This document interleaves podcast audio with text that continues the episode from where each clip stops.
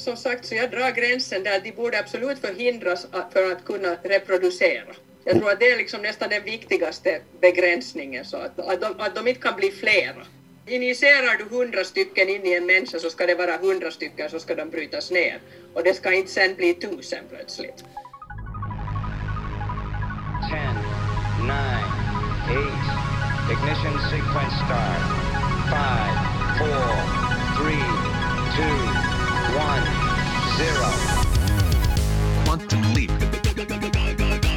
salto quântico. Salto quântico, salto quântico, salto quântico. Quantismo.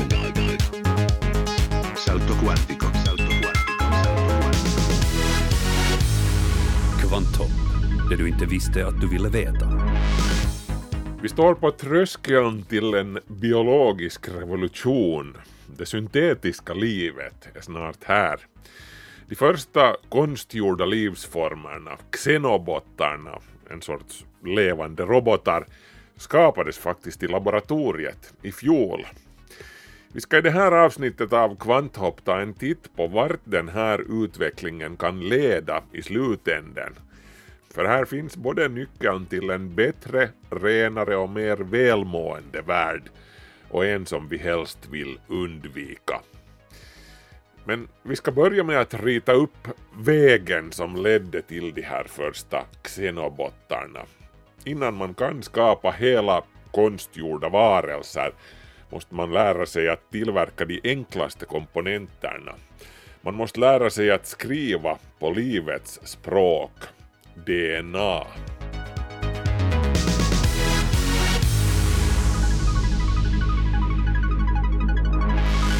Välkommen till Kvanthopp, jag heter Markus Rosenlund.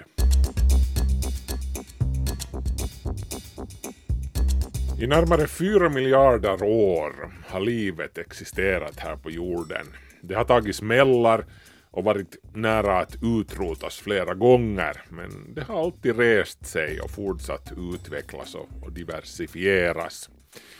Under hela den här tiden så har det aldrig funnits något alternativ till det biologiska, naturliga, DNA-baserade livet.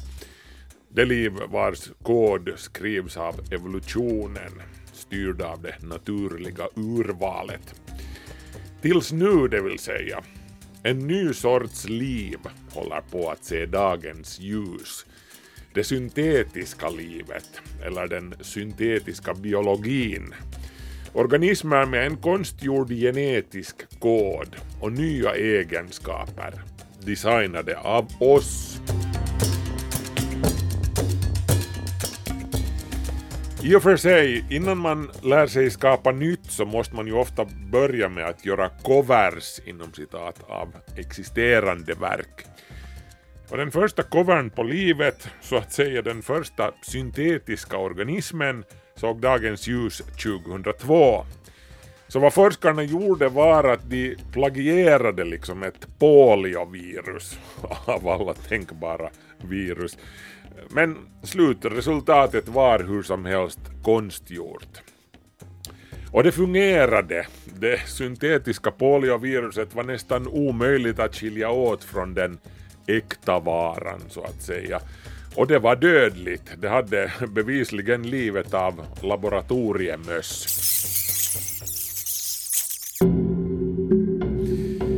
Det här skapar förstås omedelbart en livlig debatt om de moraliska aspekterna kring det hela. Vad om den här sortens teknik utnyttjas av folk med ondskefulla avsikter? Vilken sorts biologiska vapen kan det tänkas leda till? Och så vidare. Faktum är att den här diskussionen har aktualiserats nu på sistone i och med coronapandemin som rasar i världen just nu. Eh, nå, nu säger jag inte att SARS-CoV-2 är ett syntetiskt virus, att coronaviruset skulle vara ett vapen framtaget i ett laboratorium och jag menar, vad skulle vara poängen med ett sånt vapen? Det, det, det är ju i så fall ett synnerligen trubbigt vapen ingen har ju vunnit någonting på det här. Hela världen har ju drabbats ungefär lika hårt, vissa hårdare än andra i och för sig. Eller vad säger Cecilia Salgren som är professor i cellbiologi vid Åbo Akademi om vi kan skriva ett poliovirus, vilket vi bevisligen kan, skulle det inte då vara möjligt att skriva ett coronavirus också? Säkert är det möjligt. Det är nog möjligt att, att skapa det här äh, virusformer eller, eller motsvarande former. Men det här, om det nu är det i det här fallet så är jag mycket, det är mycket skeptisk till faktiskt. No jo, men vi talar nu hur som helst ännu inom citat bara om virus. Och virus är ju enkla rader av RNA eller DNA. de är lite biologisk skräpkod som driver omkring. Eh, dåliga nyheter omgivna av lite proteiner som någon sa. Alla är inte ens överens om att virus är liv i ordets egentliga bemärkelse, för de kan ju inte föröka sig själva för egen maskin, de behöver låna våra celler till det. Eller vad säger Cecilia Salgren, var står hon i den här frågan? No, där, där är jag, så jag, jag definierar ju själv förstås livet som någonting som kan det här reproducera. När vi inledde vår diskussion så sa jag att det är ju någonting, och viruset kan ju inte göra det av sig själv. Men, men det här, så enligt den definitionen så kan man ju säga att det är ett, ett liv som inte existerar. Det är liksom inte ett liv som existerar utan en värld. Men att nu är det ju en del av livet och nu består det ju av livets byggklossar. Så det, det, det är nu, hmm, jag skulle nog kanske säga att det är liv. Ja. För att även, även om det behöver en, en värld för att, för att dela på sig och föröka sig så, så är det ju nog, uppfyller det de andra kraven på liv. Och i så fall är ju ett syntetiskt virus syntetiskt liv enligt samma definition. Från syntetiska virus är det ändå långt kvar till syntetiska fullfjädrade biologiska celler med allt som det innebär. Men nu är det ju faktiskt så att forskare har lyckats skapa sådana också, syntetiska riktiga celler. 2008 lyckades ett team forskare på det amerikanska J. Craig Venter-institutet skapade dittills största konstgjorda bakteriegenomet. Det bestod av mer än 580 000 baspar av bakterien Mycoplasma genitalium, KCVI 1.0. Med andra ord en könssjukdom den här gången orsakar urinvägsinfektioner. Nå, kanske ändå hellre det än polio om vi säger så.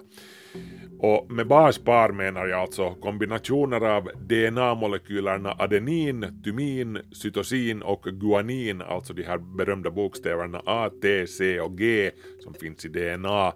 Alla levande organismer på jorden bygger på de här bokstäverna liksom. Hur som helst, 2017 lyckades sen en annan forskargrupp skapa en syntetisk version av genomet hos Saccharomyces cerevisiae, eh, gästen som vi bakar bröd och brygger vin och öl med. Nå, hellre det alltså än, än att bygga syntetiska poliovirus och, och diverse könssjukdomar, om man frågar mig. Två år senare, 2019, kom sedan det definitiva genombrottet på den här fronten då inom citat byggde forskare från det engelska Medical Research Council Laboratory of Molecular Biology den första bakterien med hela genomet till 100% konstruerat av människohand.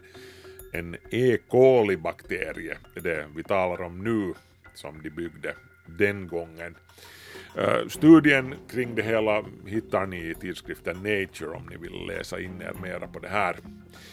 Och då talar vi alltså om fyra miljoner baspar som satt i det här skräddarsydda DNA. Ett otroligt komplicerat bygge helt enkelt. Eh, forskarna lyckades inte ens plantera in den här arvsmassan som sådan i cellen de var tvungna att ta den i bitar och pussla ihop den där inne i cellen som ett skepp i en flaska, liksom om ni förstår vad jag menar. Men precis som med polioviruset som jag var inne på tidigare så fungerade inom citat även den här E. coli-bakterien precis som den äkta varan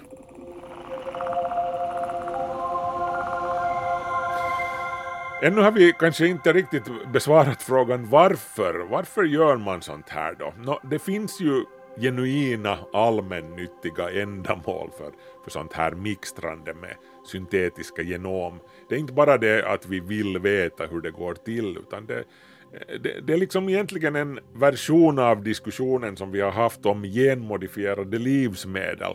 Ska vi vara så här många människor på den här jorden så har vi inte råd att se ner på, på ett enda redskap som kan hjälpa oss att mätta alla munnar och se till att miljön inte lider. Cecilia Salgren nämner några exempel här. Just så där att man kan producera äh, läkemedel i min, liksom i, i, eller att man kan använda eh, genetiskt modifierade eh, organismer för att syntetisera bränsle. Det tror jag att man kommer att se, eller, eller olika former av komponenter som ingår i, i, i det här i, i matlagning eller jordbruk eller, eller så. Det, det tror jag att man kommer att se väldigt, väldigt mycket mera.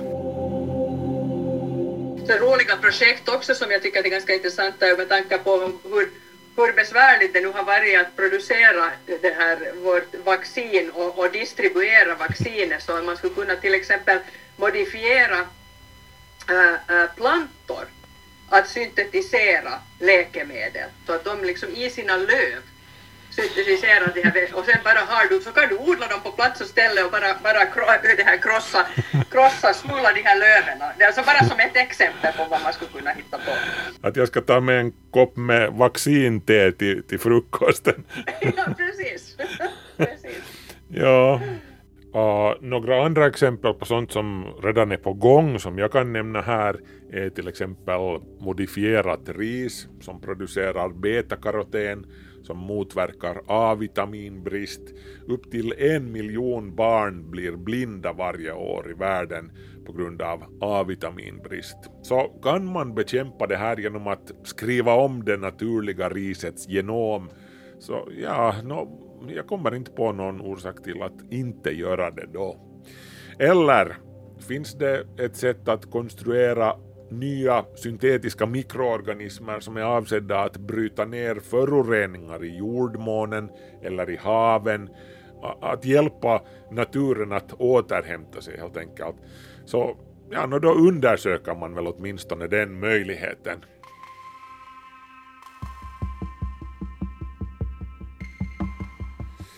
Men så här långt har vi trots allt bara talat om att syntetisera eller modifiera enskilda celler. Det finns en nivå till ovanför det här som vi faktiskt har nått i fjol. Och då talar jag om någonting kallat xenobottar. Och då handlar det om regelrätta, konstgjorda, flercelliga organismer, kroppar, biologiska robotar kort sagt. Helt nyligen publicerade ett forskarteam från University of Vermont i USA en spännande studie i Proceedings of the National Academy of Sciences tidskriften. Eh, där beskriver de hur de konstruerade någonting som de själva kallar en helt ny livsform. De här syntetiska flercelliga mikroorganismerna är strax under en millimeter i längd de är konstruerade av stamceller tagna från den afrikanska klogrodan Xenopus levis, därav namnet xenobottar. Stamceller de är för övrigt icke-specialiserade celler som kan utvecklas i princip till vad som helst inom en kropp. I det här fallet handlade det om stamceller som skulle ha blivit till grodans hud och hjärtceller. Och de här cellerna skar man till önskad form varefter de sammanfogades till en kropp inom citat som en superdator hade ritat upp. Levande maskiner blev slutresultatet. Så kallar Joshua Bongard dem. Han är en av forskarna som deltog i den här studien. Och han är alltså datavetare och robottekniker, inte biolog.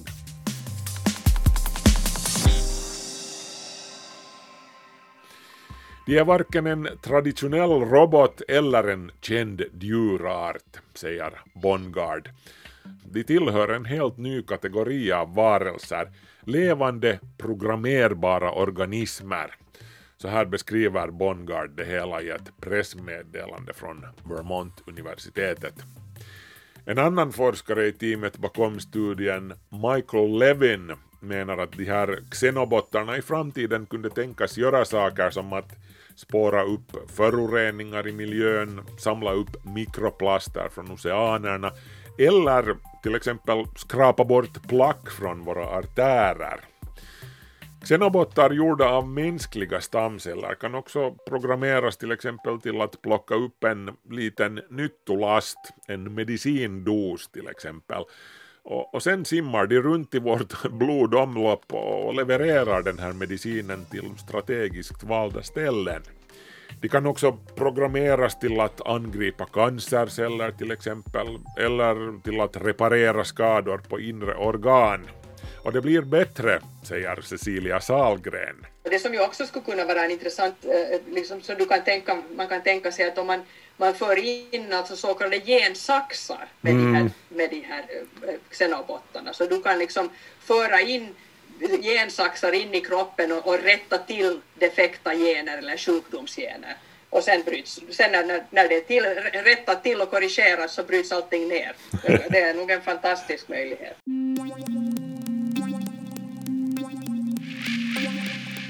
Det är ju egentligen en väldigt bekant story det här om man, om man zoomar ut lite och tittar på det hela från fågelperspektiv.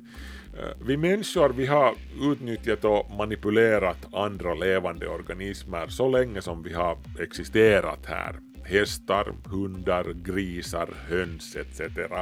Men som forskarna från Vermont-universitetet konstaterar i sin studie Xenobottarna är ett helt nytt kapitel i den här storyn i och med att vi nu designar biologiska maskiner helt och hållet från grunden.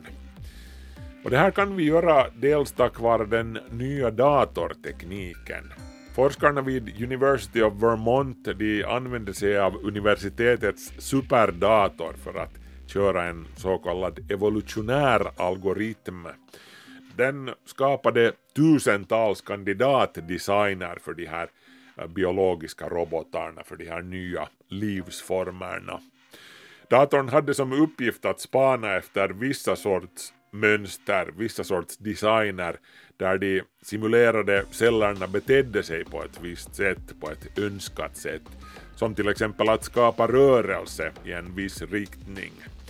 Bland otaliga simulerade organismer sållades sedan de mest framgångsrika versionerna fram medan misslyckade mönster kastades bort. Som evolutionsteorin fast virtuell och otroligt mycket uppsnabbad inuti en superdator. Cecilia Salgren säger att datorerna har blivit helt oumbärliga för den som gör den här sortens jobb det, det, det, är nog någonting som kommer att komma väldigt starkt och det ser vi ju redan nu, alltså den här både datorsimulering och, och liksom modellering av, av liv och funktioner och, och, och, och biologiska processer. För att det, det, är nästan egentligen bara enbart med artificiell intelligens som man kan på något sätt greppa den där komplexiteten. Mm det är ju en enorm komplexitet där det är signaler, alltså cellerna konstant i din kropp pratar med varandra och talar med varandra och ger varandra signaler. Så, så att liksom försöka, försöka på något sätt översätta den här komplexiteten till liksom funktioner av vävnader, organ och, och en organism. Så det, där har man nog väldigt mycket hjälp av, av datorer. Det är nästan, nästan omöjligt för en enskild människa att liksom få, få den helhetsbilden det är också därför det tar så väldigt lång tid. Alltså det är väldigt, äh, det här, alltså vi gör så små steg, så små framsteg när vi försöker beskriva biologiska processer, för det är liksom ett steg i gången, en process i gången, men allt är ju, allt växelverkar ju med, med allting. Ja, precis. vi förstår väldigt lite ännu om hur, hur det verkligen sker.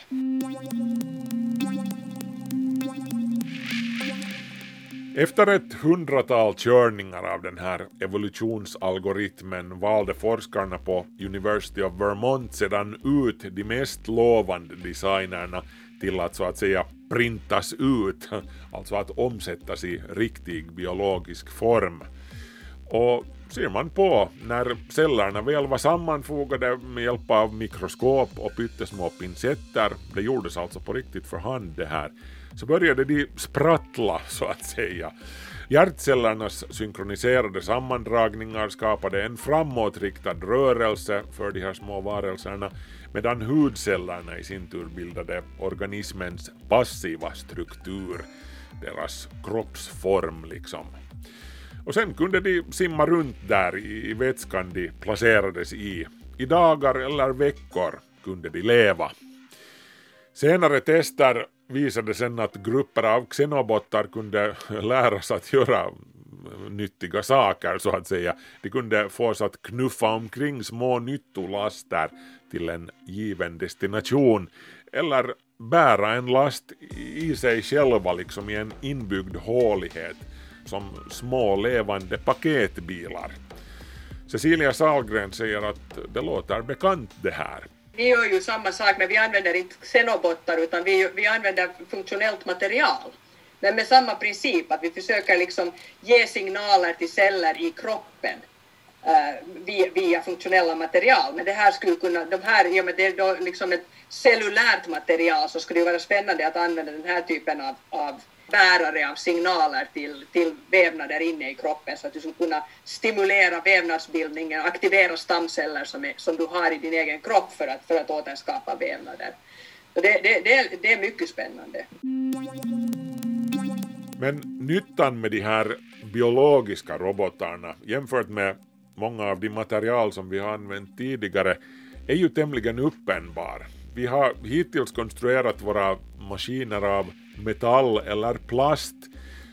De här är ju starka och nyttiga material men de skapar samtidigt ett problem med skräp när prylarna är uttjänta så då, då blir de till sopor. De levande maskinerna däremot, de är biologiskt nedbrytbara till 100 procent.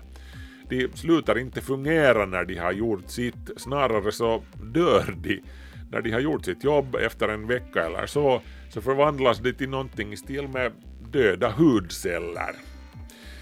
Och de har en annan fördel som maskinerna av plast och metall inte ens kan drömma om. Inte ens din nya laptop, hur dyr och avancerad den än är. De biologiska maskinerna kan, medan de ännu lever, reparera sig själva om de skadas. Forskarna bakom experimentet med xenobottarna skar med avsikt sina biologiska maskiner nästan itu för att se vad som hände. Nå, vad som hände var att xenobottarna lappade ihop sig själva och fortsatte fungera som om ingenting hade hänt. I och för sig ingenting konstigt med det, säger Cecilia Salgren. Det är ju nog en definition av livet, det, av det levande livet, att vi har ju en viss förmåga att läka. Inte, inte alla våra organ, men de flesta har ju nog en viss förmåga att, att, till, till läkning.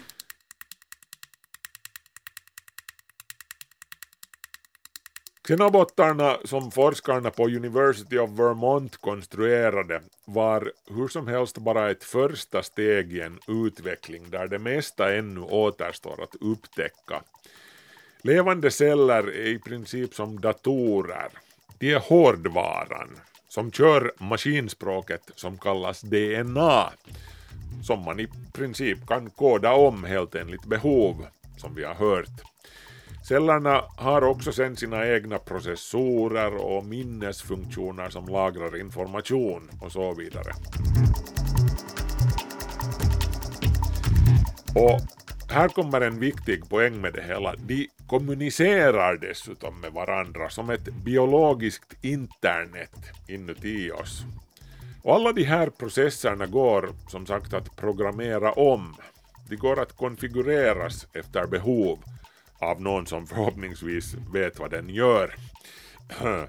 Eh, så vem vet vilken sorts otroligt avancerade biologiska robotar vi kan vänta oss i framtiden, bara forskarna får bättre koll på den här tekniken. Eventuellt sådana med avancerade nervsystem eller till och med ett eget medvetande. Och det här öppnar ju sen för sina helt egna etiska spörsmål som, som vi inte ens kan föreställa oss kanske ännu. Och, och, många oroar ju sig för vart det här kan leda sen i framtiden, för det är ju inte bara fredliga tillämpningar som man kan föreställa sig här. Och riskerna går längre än bara små biologiska stridsrobotar. Michael Levin från University of Vermont säger i, i pressmeddelandet att vi måste se på den stora bilden. När vi börjar mixtra med komplexa system som vi inte förstår, då kommer vi att få oavsiktliga konsekvenser, säger Levin. Många komplexa system som en myrkoloni till exempel börjar ju med en enkel enhet, en individuell myra. Utgående från den är det sen omöjligt att förutsäga formen på, på myrornas koloni eller vad de kan åstadkomma tillsammans. Bara för att du lyckas skapa en myra vet du alltså inte nödvändigtvis hurdana myrstackar de kommer att bygga eller var de kommer att bygga dem under ditt hus kanske. På samma sätt så måste man också tänka sig att grupper av xenobottar kan slå sig samman när de blir lite för fiffiga för vårt bästa och börja göra saker som de inte var menade att göra. Saker som kan vara rent farliga för oss. Eh, Cecilia Salgren, professor i cellbiologi vid Åbo Akademi, håller med om det här. Så är det ju, det, det är ju som, jag, som jag sa tidigare, att det, det, det, är ju den här växelverkan, som är, den kontinuerliga växelverkan mellan celler, till exempel i en organism, som vi förstår så lite av. Och, och även om vi, om vi har kontroll över att ge till exempel en del av cellerna en viss funktion så vet vi inte hur de cellerna med den funktionen sen påverkar de andra för att sen påverka hela organismen. Ja. Så, och, och det här, bilden här är ju ännu inte alldeles klar för, för, för de flesta. Att vi, de, de, de här komplexa sammanhangen är fortfarande svåra att förstå. Michael Levin från University of Vermont menar att om mänskligheten ska överleva in i framtiden så måste vi bli bättre på att förstå hur komplexa egenskaper på något sätt uppstår ur enkla regler. Och det handlar ytterst om saker som sträcker sig långt bortom grupper av myror eller, eller enkla simmande biologiska robotar, xenobottar, det kan till exempel handla om vad som händer när vägarna fylls av självkörande intelligenta bilar. Hur, hur liksom utformar de helheten sedd från satellitperspektiv? Eller hur kommer de många andra komplexa och autonoma systemen i våra städer och i våra hem att, att fungera i stor skala? För de kommer ju att finnas där och de kommer allt mer att forma våra liv eller i värsta fall ta över våra liv. I'm sorry, Dave. I'm afraid I can't do that. Men nu handlar ju det här avsnittet om biologiska robotar, de så kallade xenobottarna. Borde vi då bygga in någon sorts kill switch, som man säger på engelska, ett nödstopp, som automatiskt får dem att stanna om de börjar bete sig illa? Vad tycker Cecilia Salgren om det här? Jo, det, det tycker jag nog. Och, och, och, jag menar, som, som sagt, så jag drar gränsen där de borde absolut förhindras för att kunna reproducera. Jag tror att det är liksom nästan den viktigaste begränsningen, så att, att, de, att de inte kan bli flera. Mm. Ja, det... Att, att, att, att, injicerar du hundra stycken in i en människa så ska det vara hundra stycken så ska de brytas ner. Och det ska inte sen bli tusen plötsligt. En annan sak som vi behöver ta ställning till är att vem ska ha rätt att pynja med de här sakerna?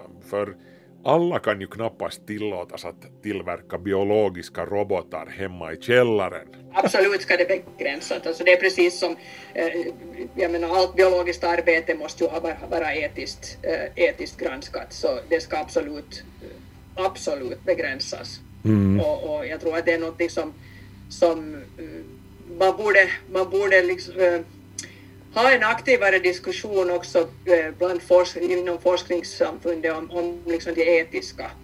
Eh, att det faktiskt liksom är, ingår i utbildningen och i din forskning och i din utveckling att, att diskutera den här etiska aspekten av, av, av vad du gör. För, för det är mycket hög grad, för det är, ju, det är ju livet. Det är livet, jo. Och som den fiktiva forskaren Ian Malcolm säger i filmen Jurassic Park, Life finds a way. Livet är kreativt, livet hittar på hyss. Och det är ju det som gör det så intressant. Men hej, måtta med allt. Också intressant. Det var allt från Kvanthopp för den här gången. Om ni vill nå oss så kan ni kontakta oss på kvanthoppsnabelayle.fi. Ni kan också gå in på vår Facebook-sida som patrullerar dygnet runt mer eller mindre. Eh, ni kan också kontakta oss den vägen alltså. Och ett nytt kvanthopp hittar ni varje lördag på Yle Arenan. Markus Rosenlund heter jag som nu tackar för sällskapet. Ha det så bra, hej så länge!